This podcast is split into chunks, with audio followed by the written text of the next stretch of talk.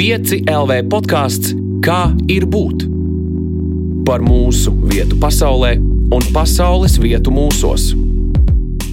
Čau! Mani sauc Elīna Balskara. Šis ir 5 LV podkāsts Kā ir būt, kur mēs runājam par to, cik dažādi tas ir būt šajā pasaulē. Un, diemžēl reizēm ir tā, ka gribas nebūt. Šīs epizodes tēma ir dzīvība, bet par to runāsim no citas puses. Pie manis ciemos ir Laura Kupča, kura reiz ir vēlējusies savu dzīvi izbeigt. Čau, Laura! Čau! Man ir milzīgs prieks tevi šeit redzēt. Ko jau es esmu liekas, paspējis tev pateikt desmit reizes, kopš mēs satikāmies. Bet um, pašnāvība, kas ir mūsu apakštēma šīs dienas lielajai tēmai, kas ir dzīvība, ir kā pilnīgi pretstati. Bet tas ir tāds. Uh, nu, ne tikai sāpīgs, bet arī, man liekas, ļoti nērts temats. Un, uh, tas ir viens no tiem, par kuriem vienkārši ērtāk reizēm ir paklusēt. Jo runāt par to mēs tik ļoti nezinām, kā par to runāt, ko teikt, ko neteikt, kā pareizi jautāt, kā, kā pareizi runāt, ka mēs vienkārši labāk ai vienkārši klusējam par šo. Kaut gan tā problēma un tā statistika ir, eh, ir skaudra, un, un um, Pasaules veselības organizācija Latviju ir ierindojusi trešajā vietā Eiropas Savienības eh, dalību valstu vidū pēc izdarīto pašnāvību skaita uz 100 tūkstošiem iedzīvotāju. Un, un tas ir līdz ar to kaut kas nu, ļoti klātsošs uh, mūsu sabiedrībā arī. Un es varu piekrist, arī man šodien nav viegli Eh, šo sarunu vadīt, jo arī es droši vien nu, nezinu, kā pareizi par to runāt un, un, un kā nepareizi par to runāt. Līdz ar to mans jautājums pirmais tev ir. Kā runāt par pašnāvībām? Uh, ko teikt, ko neteikt, un varbūt tu vari iedot gan man vadlīnijas šai sarunai, gan arī klausītājiem vadlīnijas dzīvei, ja viņi nonāk situācijā, kur viņiem ir par šo tēmu jārunā. Kas ir tādi angļuiski saka, do's and don'ts, jā, ko darīt, ko nedarīt, kad mēs par to runājam.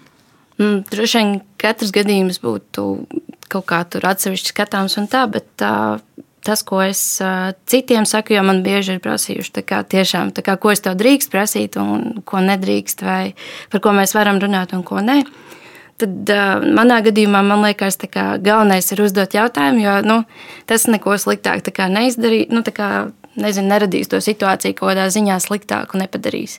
Es, ja vien varēšu un zināšu, kā atbildēt, es atbildēšu. Vismaz es runāt, droši vien par to varu. Kaut kādā ziņā esmu sev galvā visādi to simts reizes pārdomājusi, izdomājusi. Un, visādas tās situācijas, varbūt arī kaut kādus iemeslus, kāpēc, vai vēl kaut ko. Un, ja kādreiz kādam tas interesē kaut kādas no tām lietām, es par to esmu gatava runāt. Bet laikam diži daudz neesmu runājis, jo lielākajai daļai cilvēku vienmēr ir bijis bail. Jo viņi nezina, viņiem tiešām ir sajūta, ka viņi kaut ko izdarīs, un tad man paliks vēl sliktāk, vai kad uh, tas atkal novadīs pie tā paša, vai nu, kādas katram ir tās expectācijas, vispār tās, tās domas. Jo mēs katrs kaut ko iztēlojamies. Jo, protams, es, es piemēram, domāju, arī, ja man būtu jārunā ar kādu, kurš nezinu, varbūt ir darījis pašnāvību vai gribētu to darīt. Es varbūt arī pat nezinātu sākumā, ko darīt. Tā, bet tas arī droši vien atkarīgs no tā cilvēka, ar kuru būtu jārunā vai nu, jā, kaut kā tā. Tā kā, nu, vismaz manā gadījumā, man liekas, ka var prasīt pilnīgi visu. Nu, ja galīgi es negribētu par kaut ko runāt, tad gan jau es pateiktu, ka es negribu par to runāt vai atbildēt, vai kā. Bet uh, es domāju, ka var runāt par visu. Un varbūt arī citos gadījumos ir tieši tāpatās. Tas nozīmē, ka droši vien katrai sarunai ir. Um, katrai sarunai jau ir arī kaut kāda noteikuma.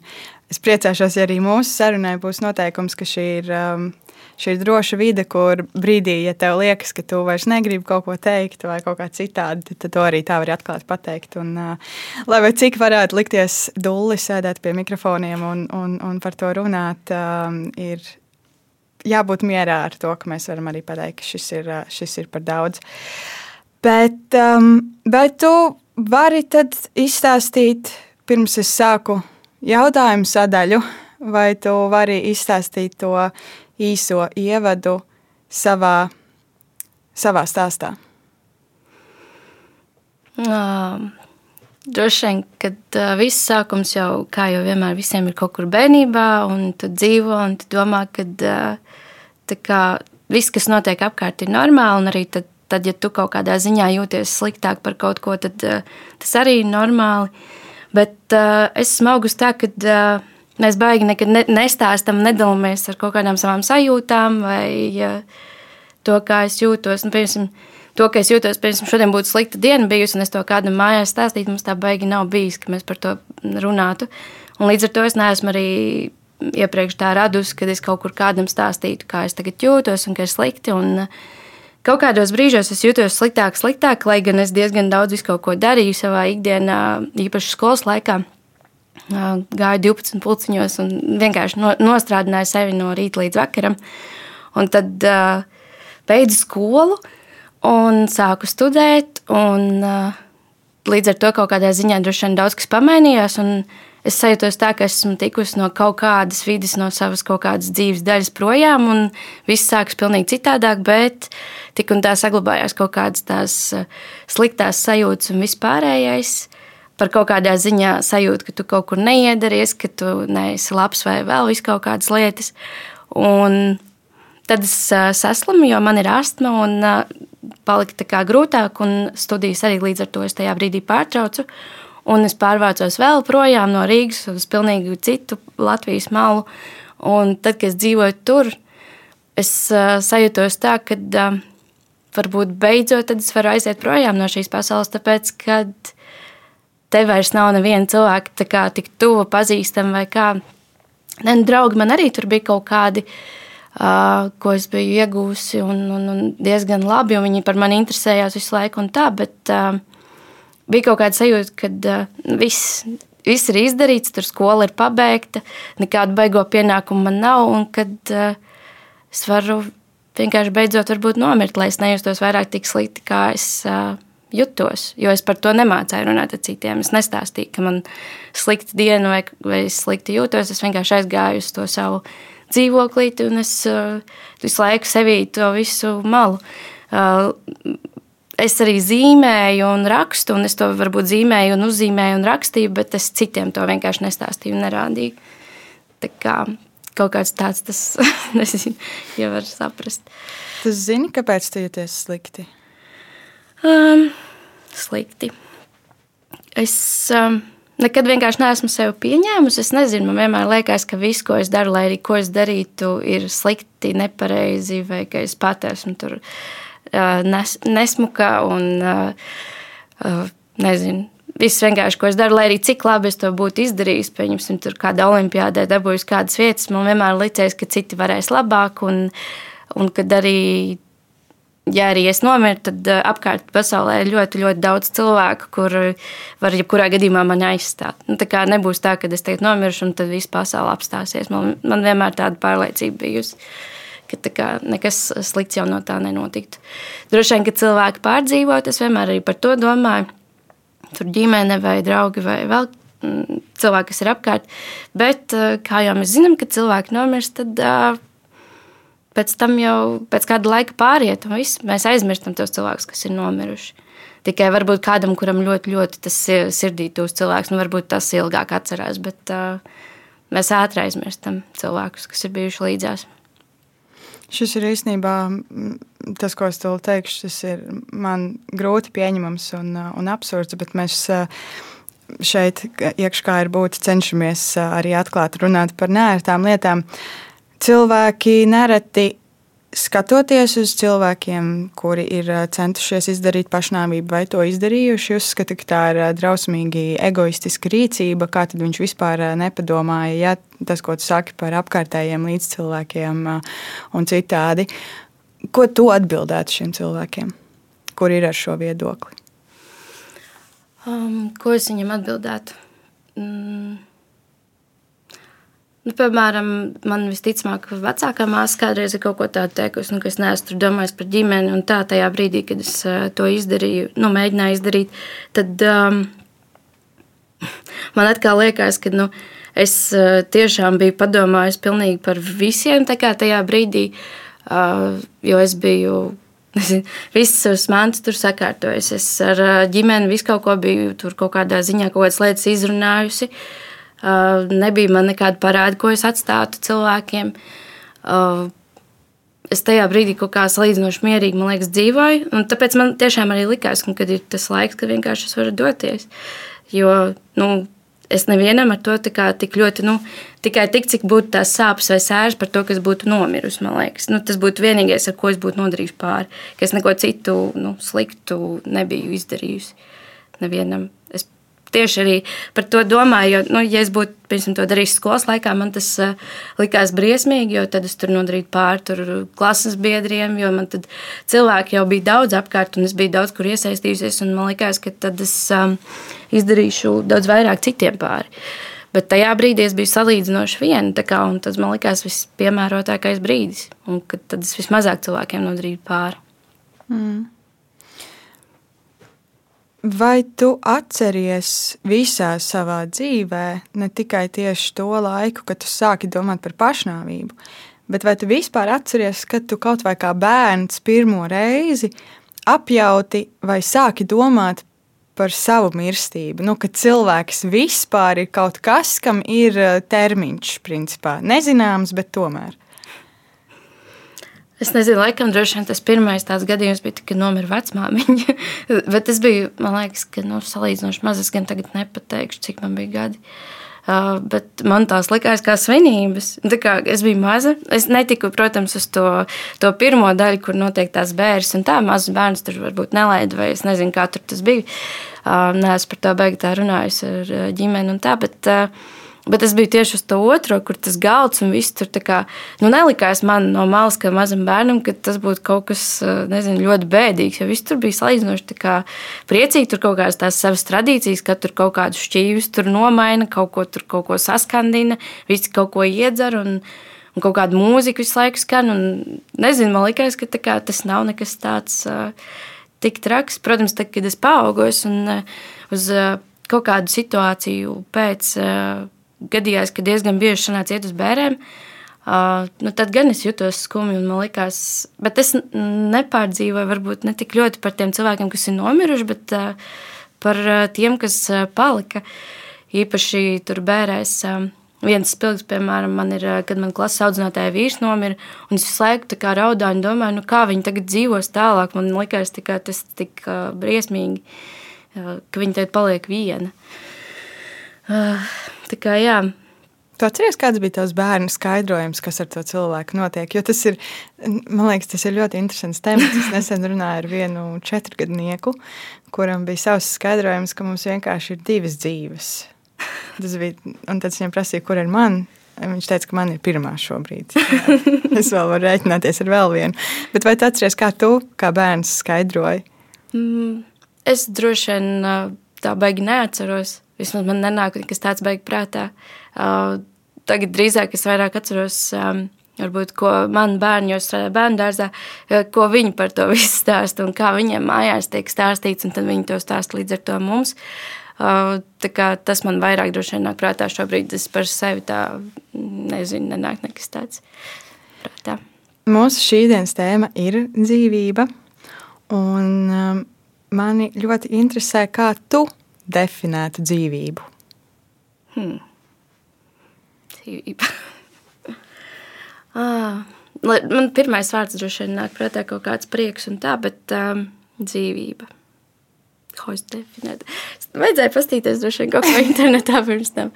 Skaidrojošā vārnīca ir mūsu populārākais avots. tad uh, izlasīt vienkārši, jo mm. man pašai droši vien baigi nenāk tāds prātā, jo uh, lai cik kaut kādā ziņā muļķīgi neliktos. Droši vien pēdējos gados, uh, laikam, droši vien vairāk ir domāts par pretējo nevis dzīvību, bet tā, tādām lietām. Un tad, uh, Nezinu, grūti pateikt. ka, kas, um, kas tavāprāt, cilvēku padara dzīvu? Elpa? Vai tomēr kaut kas cits? Cilvēku padara dzīvu. Mm viņa domas. Es nezinu, man nav, nav, jau, nav jau šeit eksāmens, nav pareizās, nepareizās atbildes. Man tiešām interesē. Bet esmu pieredzējis dzīvē arī tur, nezinu, visur, kur es kaut kur esmu, man vienmēr liekas, ka jābūt kaut kādai pareizai kam Šeit tādam. vispār nav vienīgā pareizā atbilde, būs tā, kur tu pateiksi. tā būs pareizā. Tas ir grūti. Es domāju, vienkārši skatoties uz cilvēkiem apkārt, vai skatoties arī uz sevi, savā dzīvē, atpakaļ, kad ir tie brīži, kad tu esi jutusies dzīva. Vai kad tu skaties uz cilvēkiem, liekas, nu, viņi ir tādi. Dzīvi. Vai īsti, nu, jo tas, tas saproti, vai ne, ko es domāju ar Jā. šo vārdu, vai ne? Jo mums jau visi apkārt staigājošie ir dzīvi, Jā. bet ne visi dod Bet to sajūtu. Vai ne? Un, un, un, un kas ir tie, kas tev liekas, kas, kā, kas viņus raksturo? Nu, ja es, piemēram, domāju par kaut kādiem konkrētiem cilvēkiem, kur man tiešām liekas dzīvāki par uh, citiem, uh, tad uh, tie ir vieni mani draugi, piemēram, kuri ir vairāk, piemēram, kristietībā vai kaut kā tā tic dievam un visādam, visādām labām lietām. Un tad man liekas, ka uh, nu, tie cilvēki kaut kādā ziņā ir daudz dzīvīgāki, viņi ir daudz priecīgāki un uh, viņam ir kaut kāda droši vien jēga un vispārējais. Jo, ja tā padomā, nu, es vēl aizvien droši vien dzīvoju, un es īsti vēl nezinu, kāda, piemēram, ir mana jēga un tā, bet uh, es domāju, ka uh, dzīvīgi un priecīgi cilvēki ir tie, kas, kā, jā, kuriem ir kaut kāda jēga, kuri dzīvo ar kaut kādu jēgu. Jā, laikam tā. Nu, re. Atradām. ja liekas, ka atbildes nav, izrādās, ka kaut kur viņi ir, ir tikai bišķiņi, bišķiņi jāparokās. Bet um, ar ko sākas vēlme dzīvot? Un uzreiz blakus jautājums, kur beidzas vēlme dzīvot? Sākas. Sākas droši vien tad, kad mēs piedzimstam. jo tu dzīvo vienkārši un tev droši vien nenāk nemaz prātā kaut kādas citas domas. Tu drīz, drīzāk tiecies uzzināt kaut ko jaunu, pieaugt, augt. Kā bērns vispār visu uzņem un darīja. Es, ne, es nedomāju, ka kāds bērns baigi domā par ā, pretējo kaut ko. Um, bet uh, vēlme pazūd, vai, vai viss tas mainās no dzīvības eh, drīzāk uz nāvi vai kaut ko tādu. Um, Puh. Kaut kādā brīdī, droši vien, kad tu sāc vairāk, eh, pārāk daudz varbūt, domāt par visu kaut ko. Uh, un droši vien tas arī atkarīgs no kaut kāda cilvēka rakstura un tā, kāds viņš vispār pats pēc būtības ir. Jo, ja cilvēks pats par sevi ir diezko, nu, diezgan priecīgs, droši vien atvērts un uh, ar uh, savu jēgu, tad uh, diez vai viņš nu, daudz domās par to, ka viņš nomirs vai gribētu nomirt, vai ka viņam kaut kas nepatīk. Bet, ja cilvēkam ir um, bieži kaut kādas, varbūt skumjas vai vēl kaut kas, uh, droši vien viņš biežāk iedomāsies par uh, nāvi un to, ka varbūt tās viņam būs vieglāk, uh, ja nomirs vai nu, kaut kā tā, man liekas.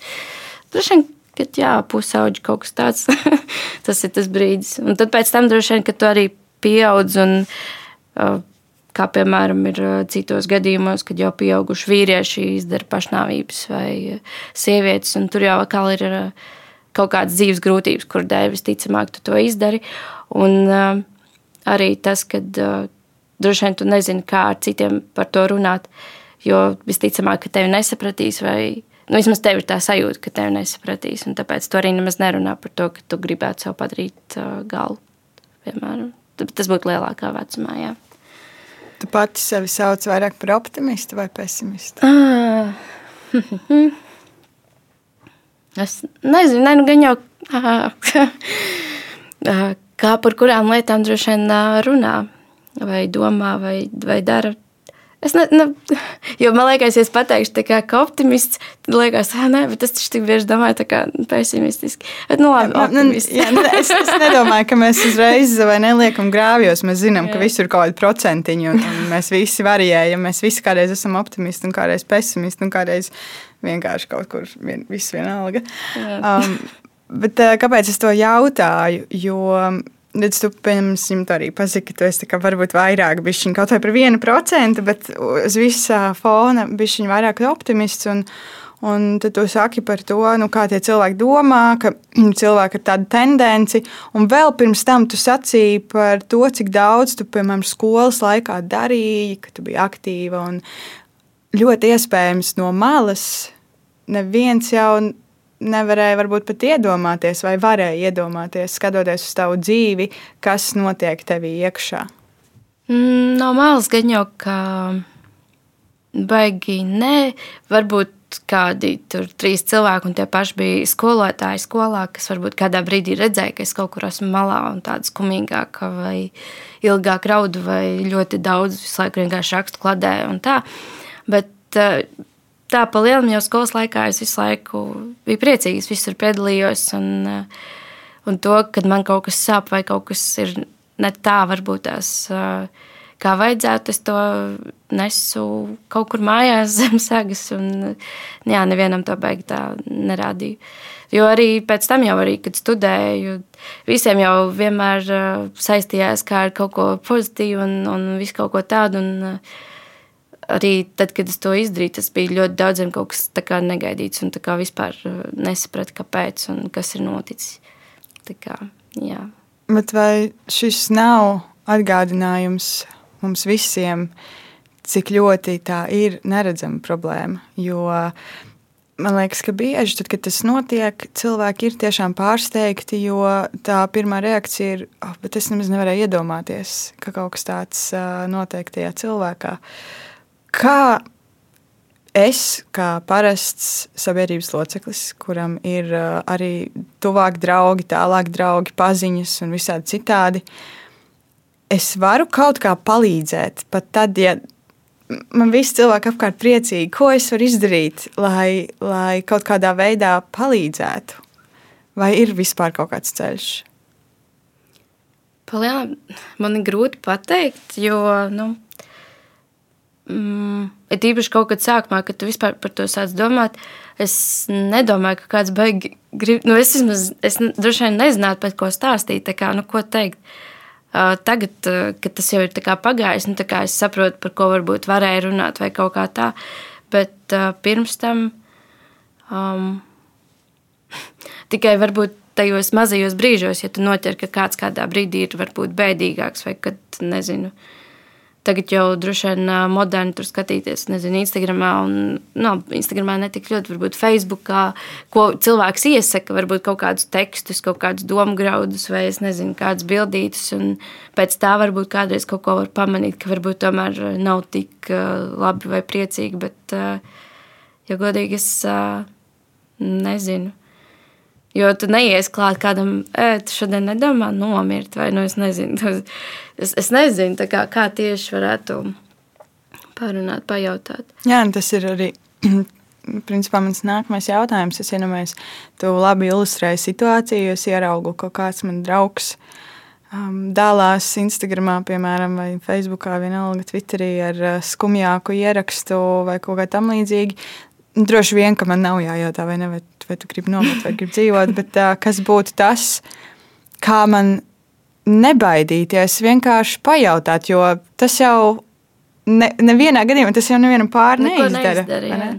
Ir tīpaši, nu, pat ja, piemēram, ir tā doma, nu, ka tur, nezinu, cilvēks kaut ko grib izdarīt, uh, bet uh, vienkārši tā kā, nezinu, kaut vai man liekas, piemēram, ja tas būs citāds kaut kāds, tad, piemēram, tu vari pateikt, uh, piemēram, savas domas par to citātu. Tā kā, jā, man viņš, piemēram, arī uzrunāja, piemēram, kā tevi uzrunāja, viņš vai kā, tevi personīgi, vai ar tevi kaut kā, nezinu, nu, kaut kādā tādā veidā varbūt tās, var noskaidrot, vismaz vedināt uz to domu, vai tiešām viss ir kārtībā, vai varbūt cilvēks par kaut ko skumst, vai viņš kaut ko ļoti dziļi pārdomā, vai kaut kas ir atgadījies. Es nezinu, ir ļoti daudz droši vien tēmas, ko var uh, padalīties tālāk. Uh, par kurām var diskutēt. Bet, um, jā, mēģināt ar kādus jautājumus, kaut kā uh, uzvedināt, lai saprastu, vai kā, tiešām tam cilvēkam blakus, kurš varbūt ikdienā ļoti smaidīgs, ka viņam tiešām viss ir uh, labi. Kad uh, viņš nejūtās skumīgi.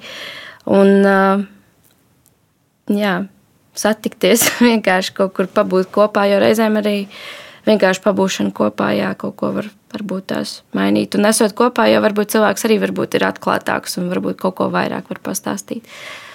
Tā kā jā.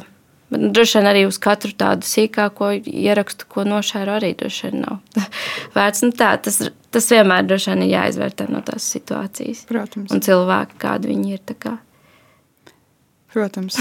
Bet kā vispār tev Kā tu vērtētu to mūsu sabiedrības šeit, Latvijā, spēju atvērti komunicēt par savām emocijām, vai spēju dalīties savā sajūtās, spēju meklēt palīdzību, vai piedāvāt to, pat tad, ja es neesmu tas cilvēks, kurš jūtas slikti, bet cik daudz mēs esam gatavi nu, iesaistīties šajās situācijās, tās nērtajās situācijās, par ko mēs sākumā runājām, ja, cik šī tēma ir tāda. Nu, viņa ir tik sarežģīta, ka mēs gribam labāk norobežoties no tā.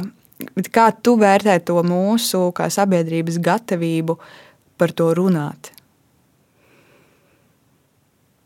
Ja es skatos, piemēram, tieši uz uh, savu gadījumu, tad uh, man liekas, ka lielākā daļa cilvēku ir bail. Viņi nezina, uh, ko darīt, uh, ko prasīt un uh, kā rīkoties.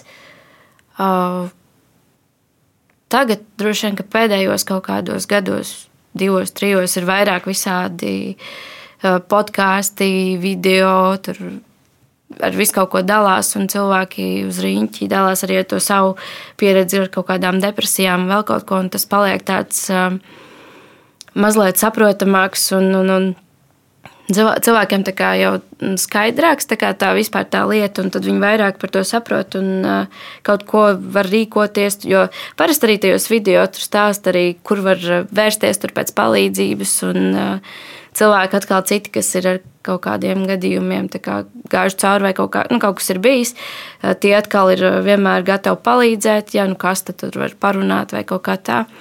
Um, Nu, droši vien, ka tagad, jā, pēdējos gados, vien, tas ir vairāk saprotamāks, varbūt tās, tās visas tās situācijas. Un eh, cilvēki ir varbūt bišķi vairāk gatavāki runāt un uzklausīt, droši vien kaut kā tā. Bet varbūt dažus gadus atpakaļ tā nebija tik ļoti, jo tas drīzāk bija kaut kas biedējošs. Un, uh, nu, piemēram, man, man tiešām bija tā, ka man cilvēki prasīja, vai man var kaut ko prasīt, vai nebūs vēl sliktāk, vai es negribēšu tur vēl kaut ko izdarīt. Un, bet tā pati runāšana jau visticamāk, ka drīzāk palīdz nekā nepalīdz. Jā, es tev gribēju jautāt, kāpēc tu piekriti šodien par stāstīt? Kāpēc, kāpēc tev, tev ir svarīgi dalīties savā pieredzē? Um, man liekas, ka. Uh, es kaut ko varbūt varu izstāstīt.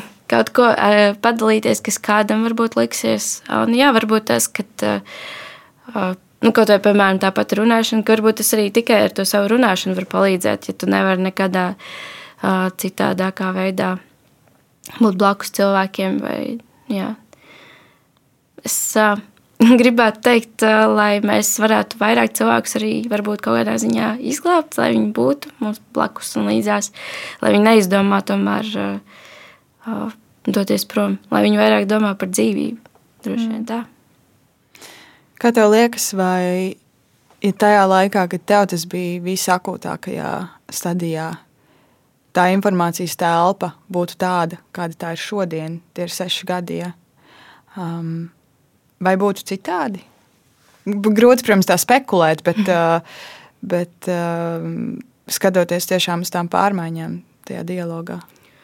Es domāju, ka šobrīd gan jau es tik tālu varbūt vairs nenonāktu, un tā vismaz liekas, jo Man arī tur tajā brīdī, kad es to darīju, man diagnosticēja depresiju, vidēji smagu, laikam bija tā. Un es pat par to nebiju iedomājusies. Es tajā brīdī mums, es nezinu, ne skolā, nekur apkārt par tādām lietām tā nestāstīju. Un es domāju, ka tagad jau tu vairāk saproti arī citos, piemēram, tu redzi tur kaut kādas vegetatīvas distonijas vai vēl kaut ko, un tas uh, šķiet jau bišķīt kaut kas normālāks un saprotamāks, jo tu par to esi dzirdējis. Bet uh, jā, tajā brīdī tā nebija. Uh, tā es domāju, ka šobrīd es visticamāk līdz kaut kam tādam nenonāktu. -hmm. Kādā ziņā. Tu pašā sākumā es tev lūdzu, un tu ļoti laipni dalījies savā jā, ļoti īsajā biogrāfijā un, un, un ceļā, bet pievēršoties jau vairāk tieši tam, tam skaudriem tematam, kāpēc cilvēki vispār nonāk līdz pašnāvībām? Jo cilvēks, man liekas, kurš par to nekad nav domājis, nemaz um, nespēja līdz galam izprast, vien, kas ir tās domas, cik viņas ir aktīvas un dzīves tajā brīdī, kas notiek šo cilvēku prātos. Tajā skaitā notika arī tavā. Hmm. Domas. Uh, nu, viņas principā tev pārņem visu laiku, un tu jebkurā situācijā, kur tu kaut kur dosies, vai būs, tu domāsi par to, nu, kā, kā labāk aiziet, nu, kā, kurā brīdī. Nu, nu, es vēl līdzi vienkārši visu laiku domāju par to, kā būs citiem un kas būs apkārt, un, un, un tā, lai viņiem tik ļoti nesāpētu vai kaut kā tā. Uh, bet uh, tu vienkārši par to visu laiku domā. Uh, un, ja kādā brīdī tu nonāc kaut kādā grūtākā situācijā, tev liekas, ah, ja es būtu, piemēram, tur iepriekš jau izdarījis tur uh, sev kaut ko, nu, tad varbūt es nemaz nebūtu to pieredzējis. Vai man nebūtu jā, jādzīvo, jāizdzīvo šīs problēmas vai kaut kādas vēl lietas. Un, uh, bet tās domas ir visu laiku. Tu vienkārši vienalga, ko darīsi, tu no rīta piecelies un tev liekas, ka oh, vēl viena diena. Nezinu. Tu, principā, pilnīgi visu, ko tu darīsi vai nedarīsi, tu domā par to. Tā kā pilnīgi visu laiku. Bet kā tu, ka, protams, šis būs absolūti neatbildams jautājums, ko es tev pajautāšu. Bet, um, es domāju, kā tu nonāci līdz šim domu sākumam. Es, es saprotu, saprotu, ka viņas sākās, un viņas veļās, un viņas ieveļās tiešām visā ikdienā, un, un tu netiec no viņām vaļā. Uh, Bet kur ir tas, tas avotiņa izējas punkts? Kurā brīdī tu vienkārši izdomā, ka tas būs jādara? Nē, tieši otrādi. Vēl, līdz tam, mēs, līdz tam vēl, mēs vēl nonāksim, bet uh, līdz tam, kad tu to sāc darīt, bet, uh, bet kurš ir tas brīdis, kad tu pirmo reizi saproti, ka no tām dzīves apstākļiem, nu, kas tev ir apkārt, ka risinājums ir ir nevis tur uh, aiziet, uh, izdarīt šo, parunāties ar to, parunāties ar to, bet risinājums ir vienkārši šo visu izbeigt, pār, pārvilkt līniju pāri. Um, tā kā es droši vien nebiju tas, kurš iestājās un stāstījis, tad man liekas, ka vienīgais veids, kā es varētu atrisināt to, kad es jūtos tik uh, bēdīgi un slikti kaut kā diezgan ilgi, bieži un par visādām situācijām, pat par kaut kādiem niekiem. Man visu laiku liekas, ka es visu esmu izdarījis nepareizi. Man liekas, ka to visu var atrisināt ar to, ka manis vienkārši nebūtu. Un tā likās droši vien, ka gan jau ka būtu visvieglāk, kā egoistiskāk, droši vien, ka tā jāsaka.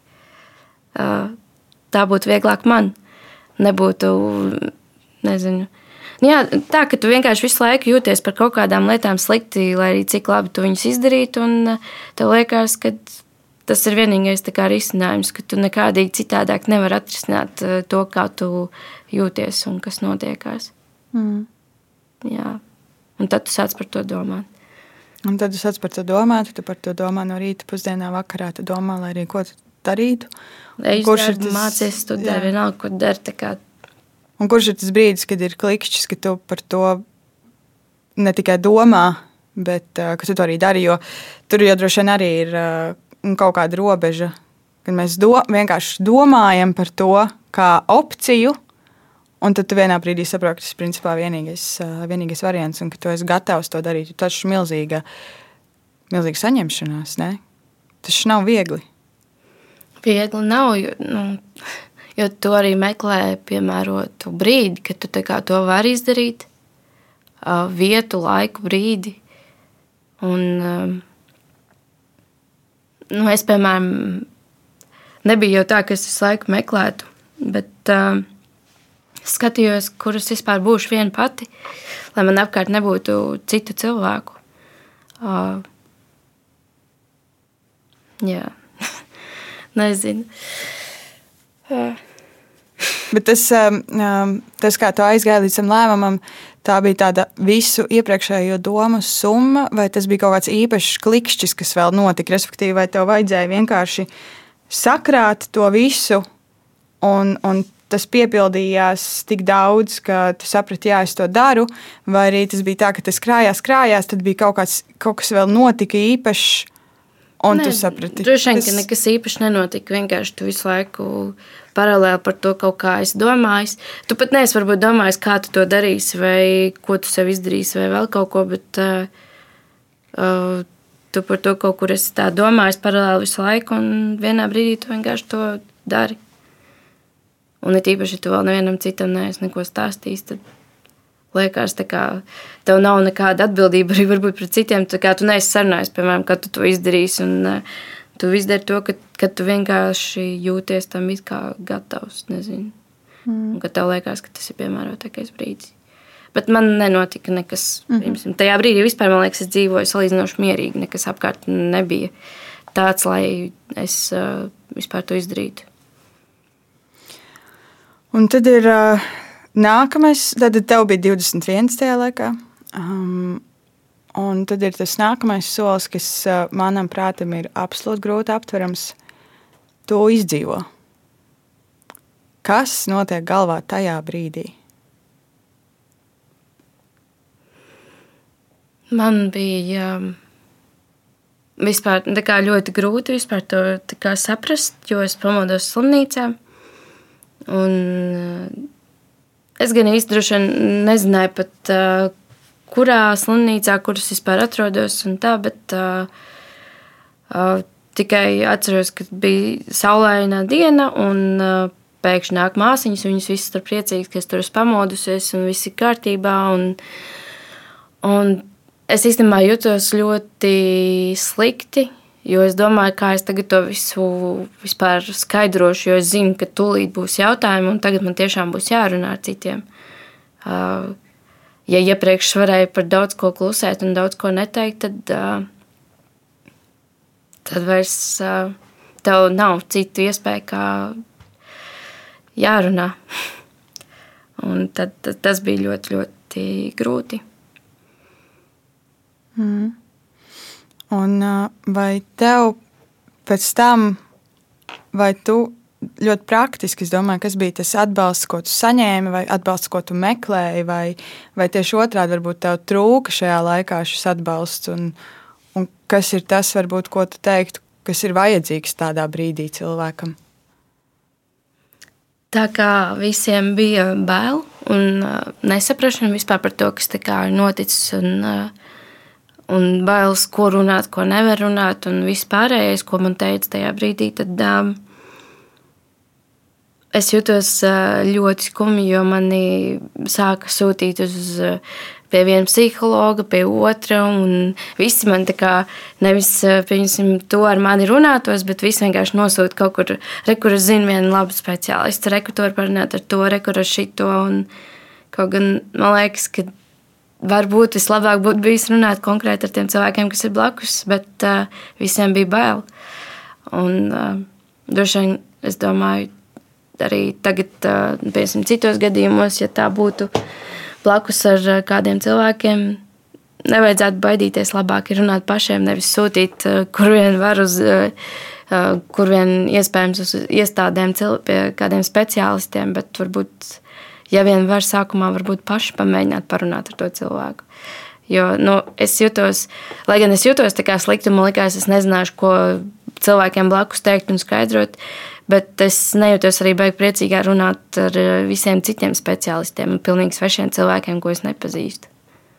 Jā, tas sanāk, ka mums ir kaut kāda problēma, kuru mēs nesaprotam, kā ar viņu cīnīties.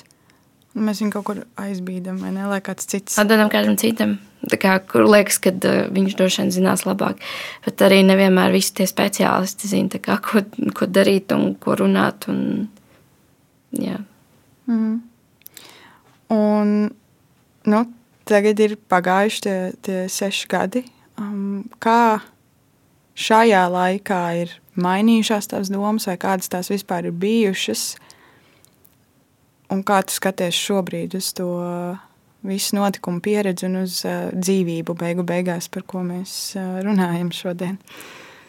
Um, šobrīd uh, es, uh, kā, man liekas, dūlu vienkārši skatos uz visām pusēm, kur vien es varētu kādam palīdzēt vai Kaut vai arī šobrīd es atradu vienu rakstu, kur tagad var cilvēkiem tur palīdzēt kaut kādā speciālistā, vai kaut kas uzreiz aizsūt tur vairākiem cilvēkiem, kuriem zinu, ka uh, tas varētu noderēt. Un, ja es redzu, ka kāds ir tur bēdīgs, nu, tagad Rīgā tas ir arī vispār, kā, man liekas, tik īsi. Tu vari iekāpt jebkurā sabiedriskajā transportā, aizbraukt uz jebkuru Rīgas galu un būt blakus tam cilvēkam. Jo tas, kas man tā kā tracina, tas caur telefonu runāt, sarakstīties vai kaut kā tā, es labāk, ja vien ir iespējams, dodos klātienē. Un, uh, esmu blakus tiem cilvēkiem. Uh, un, droši vien, jā, es tagad uh, to vien daru, kā darbojos, dzīvi, lai būtu dzīvība apkārt. Uh, esmu katru dienu ar bērniem jau. Mm, novembrī būs jau pieci gadi, kā ikdienā visu laiku. Un, tas, man liekas, ir viens no kā, dzīvību raisošākajiem, piepildītākajiem. Es nezinu, um, avotiem, nezinu, kaut kā tā. Uh, bet dzīvība, nu, tagad droši vien tikai par to vien kaut kādā ziņā domāju. Baigi interesanti, kā tu to noformulēji. Tā palīdzība citiem tev ir principā tieši pretēji. Tu tagad nu, ikdienā darbojies, lai, lai rūpējies par to, lai tā dzīvība būtu. Um, kā, nu, kā tu par to? Kā tu par to rūpējies? Kas ir tas, tās lietas, kā tu palīdzi šiem cilvēkiem? Pirmkārt, jau droši vien vienkārši, kad esmu klāt, es uh, painteresējos. Uh, kaut gan arī tā ikdiena varbūt ir tik pilna, ka uh, man tur reizēm atkal sev sāku pārmest, ka es neesmu kādam tur kaut ko painteresējusi, es uzrakstījusi, vai es vispār. Tagad, īpaši Covid laikā, varbūt jau ir pagājis gats, un es neesmu kādu tur satikusi un, un, un, un jūtos slikti. Bet, um, bet nu jā, dzīvību. Visu laiku par to vien tagad uh, domāju. Jā. Esmu klātiem cilvēkiem, un uh, īstenībā tagad jau cilvēki ir daudz vairāk gatavi runāt. Viņi arī reizēm arī tev pateiks priekšā, ko viņi grib, ko viņiem vajag, un uh, kas ir tas, kas viņiem var palīdzēt. Uh, un tad tu meklē iespējas, kā tu vari palīdzēt. Tieši tā kā tas cilvēks kā saka, ka viņam, tas varētu viņam palīdzēt. Kas ir tās lietas, ko tu visbiežāk dzirdi? Um, droši vien, ka uh, visvairāk tiešām palīdz uh, būt blakus un sarunu. Vienkārši reizēm jau nav jārunā tieši par to, nezinu, to sliktumu vai vēl kaut ko, jo cilvēks jau pats pie sevis saprot, ka nu, ir kaut kāda konkrēta situācija, par kuru viņš jūtās tur slikti un tā. Bet uh, var jau runāt arī par kaut ko labu vai vienkārši par pilnīgi kaut ko citu, vai skatīties kopā filmas, vai nu, jebko, kā, kas katram ir kā, kaut kas, kas varētu kā, padarīt to dienu labāku un varbūt mainīt tās kaut kādas domas un sajūtas un, un tā kaut kā. Tev liekas, ka tās, tās dūlās statistikas, viss, kas uh, ir attiecināms arī uz, uh, uz Latviju, mēs esam vienkārši kaut kāda vientuļa sabiedrība.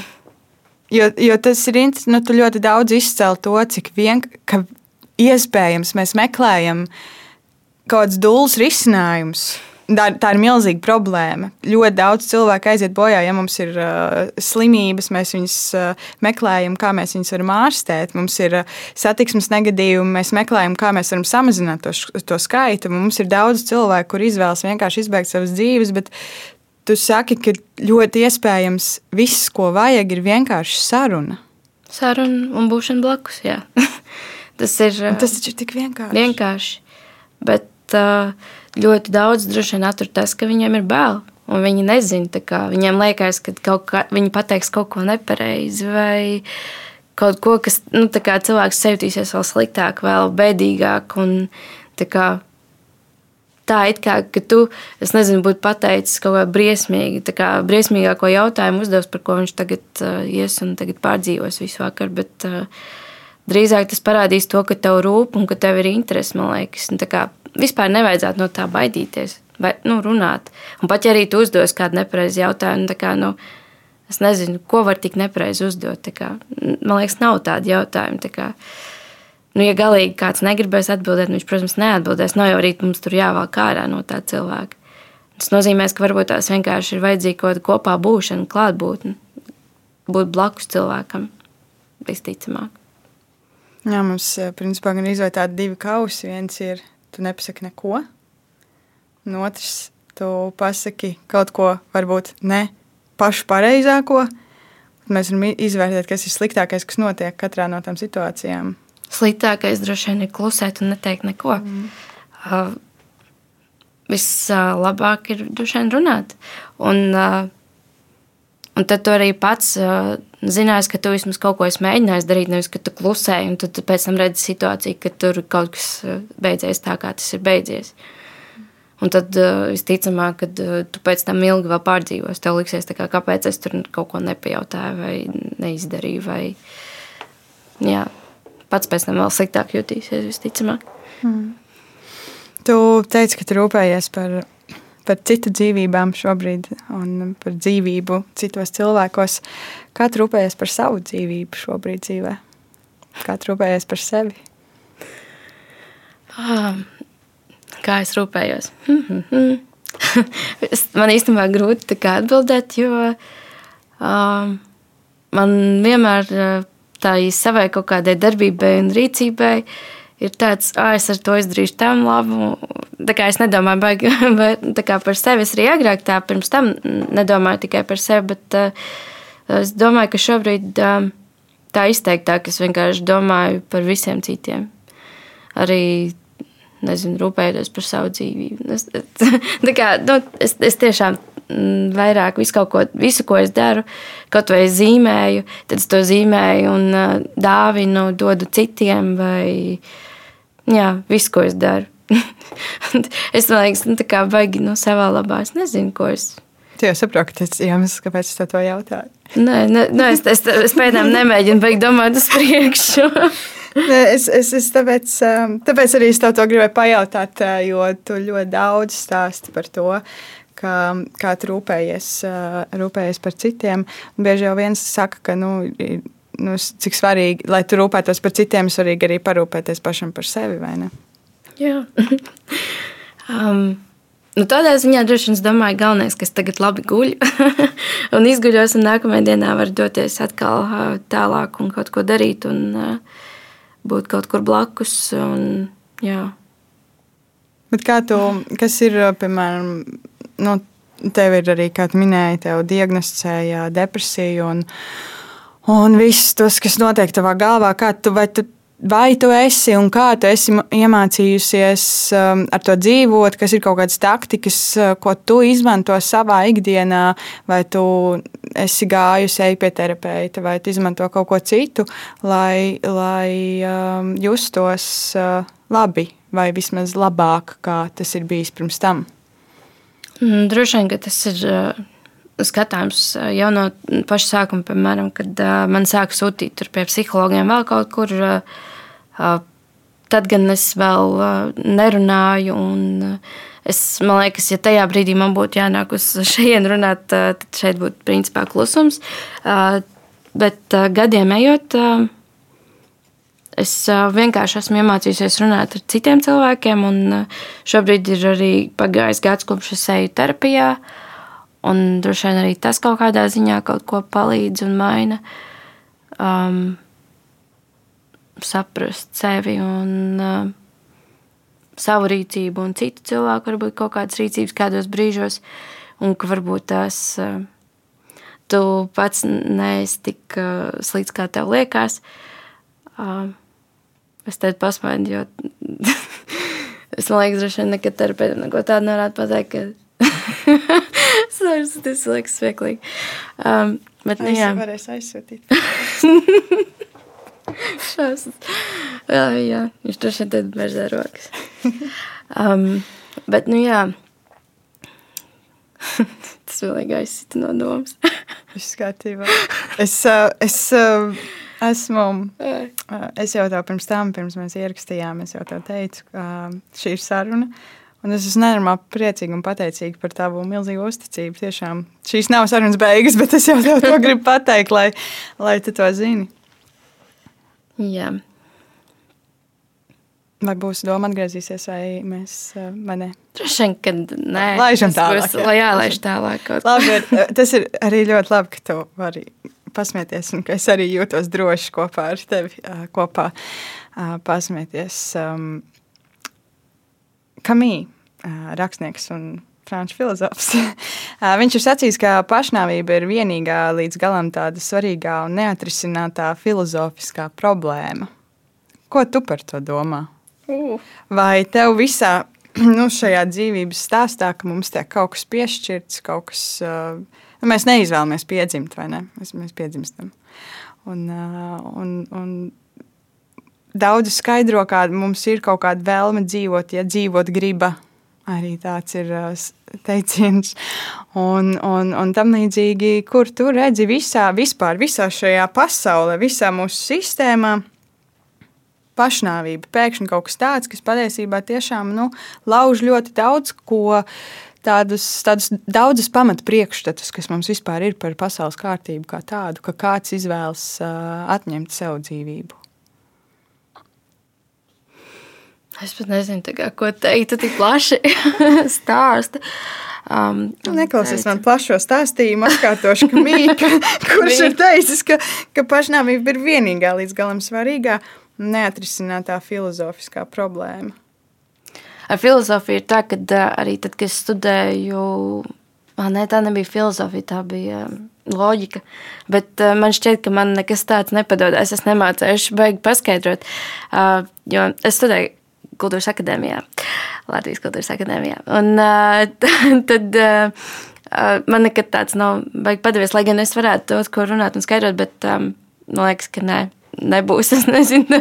drīzāk, nu, es jau, protams, negribu, ka tu man skaidro, ka mī, es drīzāk drīzāk. Jo nu, problēmas jau ir daudz un dažādas. Es nezinu, vai tā būtu pati lielākā problēma. Es nezinu. Visa pasaule, visi, nu, es tagad uh, nedaudz parodēšu, uh, protams, bet uh, mēs visi tur tiecamies uz dzīvību, uz, uz, uz laimi, prieku un, un vēl nezinu ko. Mēs dabā viss vis cenšas izdzīvot. Mūsu izdzīvošanas instinkts ir mūsu vadošais. Tad, kad notiek krīzes situācija, mēs pēkšņi zaudējam visu pārējo, un vienīgais, kas mūsos paliek, ir, ir vēlme vienkārši pašsaglabāties pats kaut kāds basics. Un tad pēkšņi visā šajā pasaules kārtībā ienāk šāds fenomens. Puf, kā?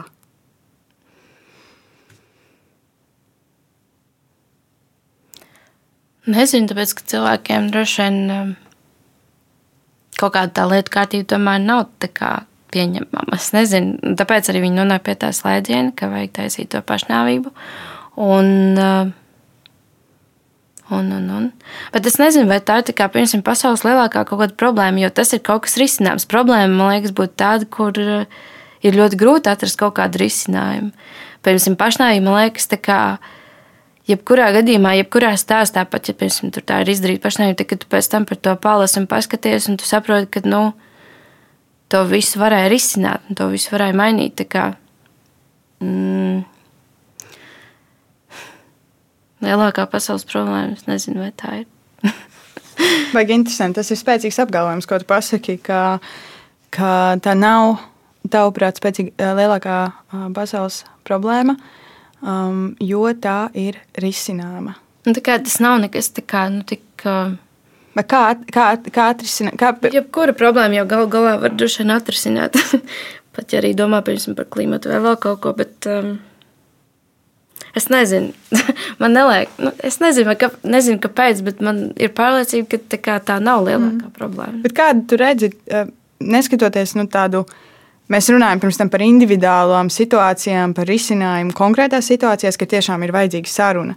Mm -hmm. uh, un, un, bet es jau gribētu teikt, ka tā ir jau tāda akūta situācija, vai ne? Bet kā, kā tev liekas, ko vajadzētu mainīt sabiedrībā, lai mēs nemaz nenonāktu līdz tam, ka mums ir cilvēki, kuri vēlas izbeigt savu dzīvi. Kam tavuprāt vajadzētu mainīties sabiedrībā? Vai tu redzi kaut ko tādu?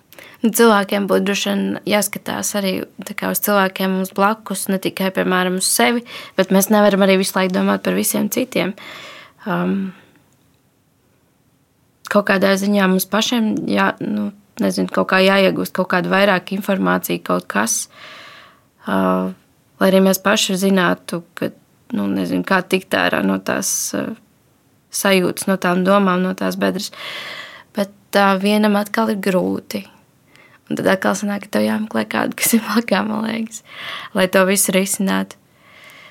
Um, Kā tev liekas, ka tas, nu, mēs diezgan ļoti varam šobrīd runāt par tādu uz individu patiesībā vērstu sabiedrību, vai ne? Indivīds nekad um, nav bijis tik augstā vietā, un, un, un pirms tam tomēr ļoti daudz, nu, lai izdzīvotu, tev vajadzēja būt nu, kolektīvā. Viens cilvēks nespēja neko izdarīt šobrīd. Šobrīd tas vairs tā nav, un tu diezgan labi vari būt viens pats un, un, un dzīvot uz priekšu. Kā tev liekas, vai tas ir kaut kas tāds? tā kolektīva zaudēšana, kas eh, mūs, eh, mūs atsevišķi no citiem un liek mums justies vientuļākiem un līdz ar to arī vienkārši izjust fizisku vienatni, kad mums nav cilvēks, ar ko parunāt. Mm, droši vien ir arī tā, ka tu ir fiziski palicis viens, bet uh, ne visi droši vien uh, ir to vien, vienatni spējīgi tā vien izdzīvot. Mm. Protams, tur varētu arī domāt par to, ka uh, varbūt tās, ja tu tā kā dzīve tev tā ir salikusi, ka tu esi viens, nu, tad tu droši vien esi tik pietiekami spēcīgs, lai tu viens arī varētu tikt ar to galā. Bet, um, Tās ir veselīgas domas, tavuprāt? droši vien, ka nē. uh, Es nezinu, man kaut kā liekas, šādā situācijā skatoties, droši vien, ka uh, vislabāk ir tiešām, ja ir vēl kāds uh, nu, nu nevar būt tā, ka tu esi nu, pilnīgi, kā, pilnīgi, pilnīgi nu, viens. Ka tev vispār neviena cilvēka nav apkārt. Un tā, ka tev neviena nav blakus. Šis īstenībā ir interesanti. Tagad, iespējams, iebraukšu kaut kādā citā grāvī, bet, bet es, es iedomājos par to, ka pat tad, ja mēs tomēr dzīvojam diezgan, tāda, diezgan blīvi, ja mums ir, ir diezgan daudz apkārt un parasti iedala to, nu, kad viens ir vienatne, un otrs ir vientulība. Tu pat vari būt milzīgā pūlī, bet tu vari vienkārši justies vientuļš. Un tā ir briesmīga sajūta. Bet varbūt tas ir par daudz prasīts, bet es iedomājos, ļoti iespējams, ka tu vari stāvēt tādā, nezinu, 50 cilvēki un tu telpā, jūties drausmīgi vientuļš. Visticamāk, jau tie apkārtējiem cilvēki ja tu viņiem kaut ko pateiksi, nu, ka tu jūties slikti, ka tev vajadzīga palīdzība, ļoti, ļoti iespējams, nu, kāds jau tur palīdzētu, vai ne? Jā, bet uh, tev droši vien iekšā ir sajūta, ka nē. Mm, un tev droši vien ir, ir bail kaut kādā ziņā prasīt un kaut ko teikt un bail uzticēties, jo tas ir pārāk uh, personīgi vai nezinu, pārāk privāti. Bet jā, tā Eh, sajūta, ka tev apkārt ir daudz cilvēku, tu jūties ļoti vientuļš, tas, eh, tas ir saprotami. To es droši vien arī jā, domāju pirms tam, jau ka varbūt vajadzēja pieminēt. tu tā jūties? Uh, nu, tā ir kādreiz, un tev pat uh, droši vien liek, nu, kādā brīdī liekas, ka tev jau pat visi tie cilvēki apkārt jau bezmazliet nu, besīja, tā var teikt, nu, ka tas viss jau tev tracina. Un uh, tev liekas, ka, uh, kad tu starp tiem viņiem visiem daudziem arī nemaz nevar meklēt to palīdzību. Vai, nu jā, ka tev tiešām arī nedzirdēs vai nesapratīs. Kaut gan um, tagad, uh, skatoties, man liekas, ka nu, katrā gan kolektīvā, visur, kur es biju, nu, es tur varēju kaut vai vienu vismaz atrast. Nu, kā, uh, tagad uh, tādu skaidru galvu skatoties, man liekas, pilnīgi tu jebkuram būtu paprasījis uh, vai pateicis. Un, uh, kāds vienmēr būtu, kā, nu, jebkurš būtu runājis ar tevi. Un, uh, varbūt ne, ne, nevienmēr vajag, lai tā kā pilnībā saprotu tavu to sāpju un tā, bet... Droši vien, ka, piedod, ka es tev pārtraukšu to turpinu, bet droši vien arī, ka pilnībā nemaz nevar saprast. Jā, mums ir, mums nevar. ir jāatsakās no tās idejas, ka kāds cits pilnībā sapratīs, vai ne? Jā, un, un, un tā kā vienkārši par to runāt, vismaz mēģināt. Tā kā man liekas, ka uh, tas arī jau ir daudz, ka tu vismaz mēģini un varbūt tās ja viņš nevarētu, piemēram, tas cilvēks, ar ko tu runā, tā palīdzēt vai kaut ko tur nu, saprast, viņš tur nesaprot. Tā, tad viņš pasaugs tur blakus, jau čau atnāc. Tur. viņš varbūt zinās, ka oh, viņam tur ir nezinu, tāda pieredze vai vēl kaut kas, un viņš tev var palīdzēt ar kaut ko. Tā kā, jā.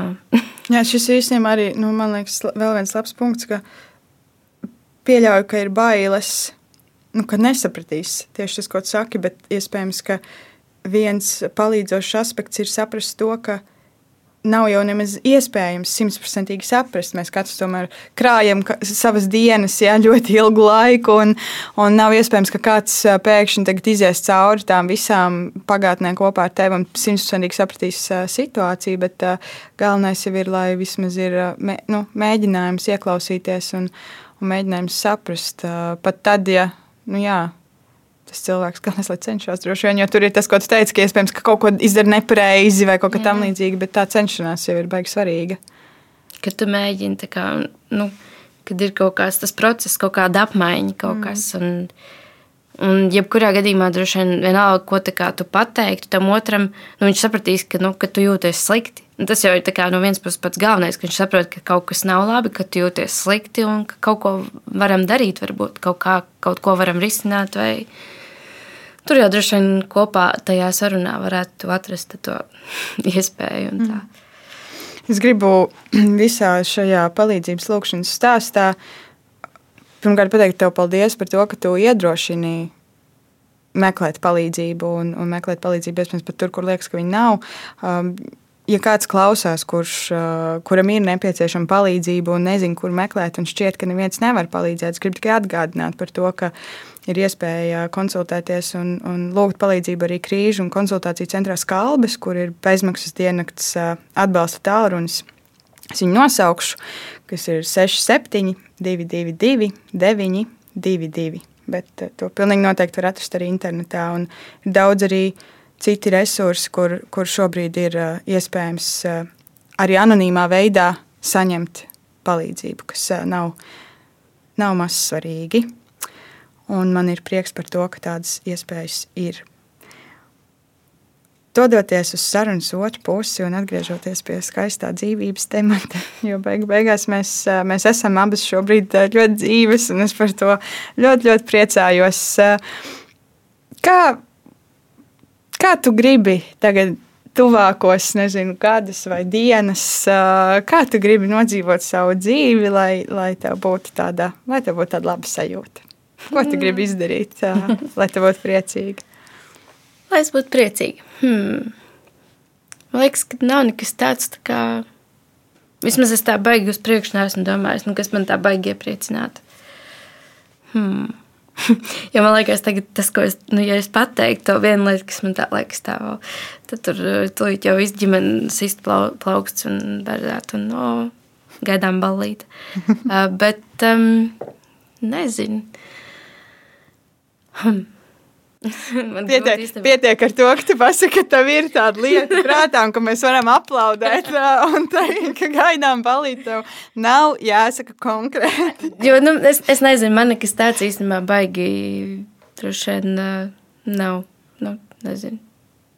ir kaut kāda droši vien maza sīkuma, kas uh, radītu prieku, bet uh, tās visas ir kaut kādas tādas mazas. Um, nezinu, domas, kuras man liekas, ka es pat baigi arī tur nepiepildīšu nekad.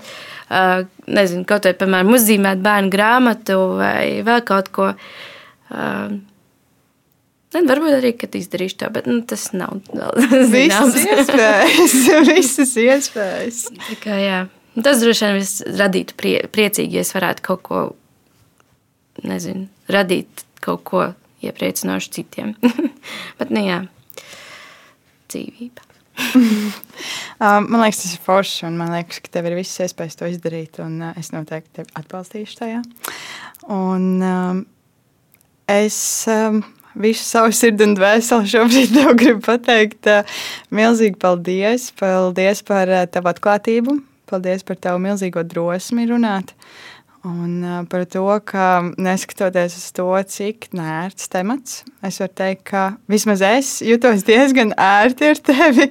Un, un man prieks, ka mēs varam tādu mm, cilvēcīgu sarunu radīt, jo es domāju, ka tas arī ir pats šī saruna jau ir atgādinājums par to, ka par to var runāt. Ka, š, ka šī saruna ir iespējama. Tieši tā, kad uh, Man liekas, ka principā gan arī droši vien par visām tēmām var runāt. un arī par šo tāpat kā par jebkuru citu var vienkārši ņemt un runāt ar cilvēkiem. Jā. Mēs arī turpināsim, kā varbūt runāt par daudzām citām tēmām. Paldies, tev, Laura, par šodienu. Lūdzu. Un um, paldies, tev, ka klausies. Šī bija pirmspēdējā šīs sezonas kā ir būt epizode. Nākamajā nedēļā iznāks pēdējā šīs sezonas epizode, kas būs nedaudz citādi kā ierasts. Bet kā ir būt nebeidzis, turpināsim runāt par to, kā ir būt. Turpināsim runāt par daudzām dažādām tēmām arī turpmāk. Pagaidām saku tev, a, tā.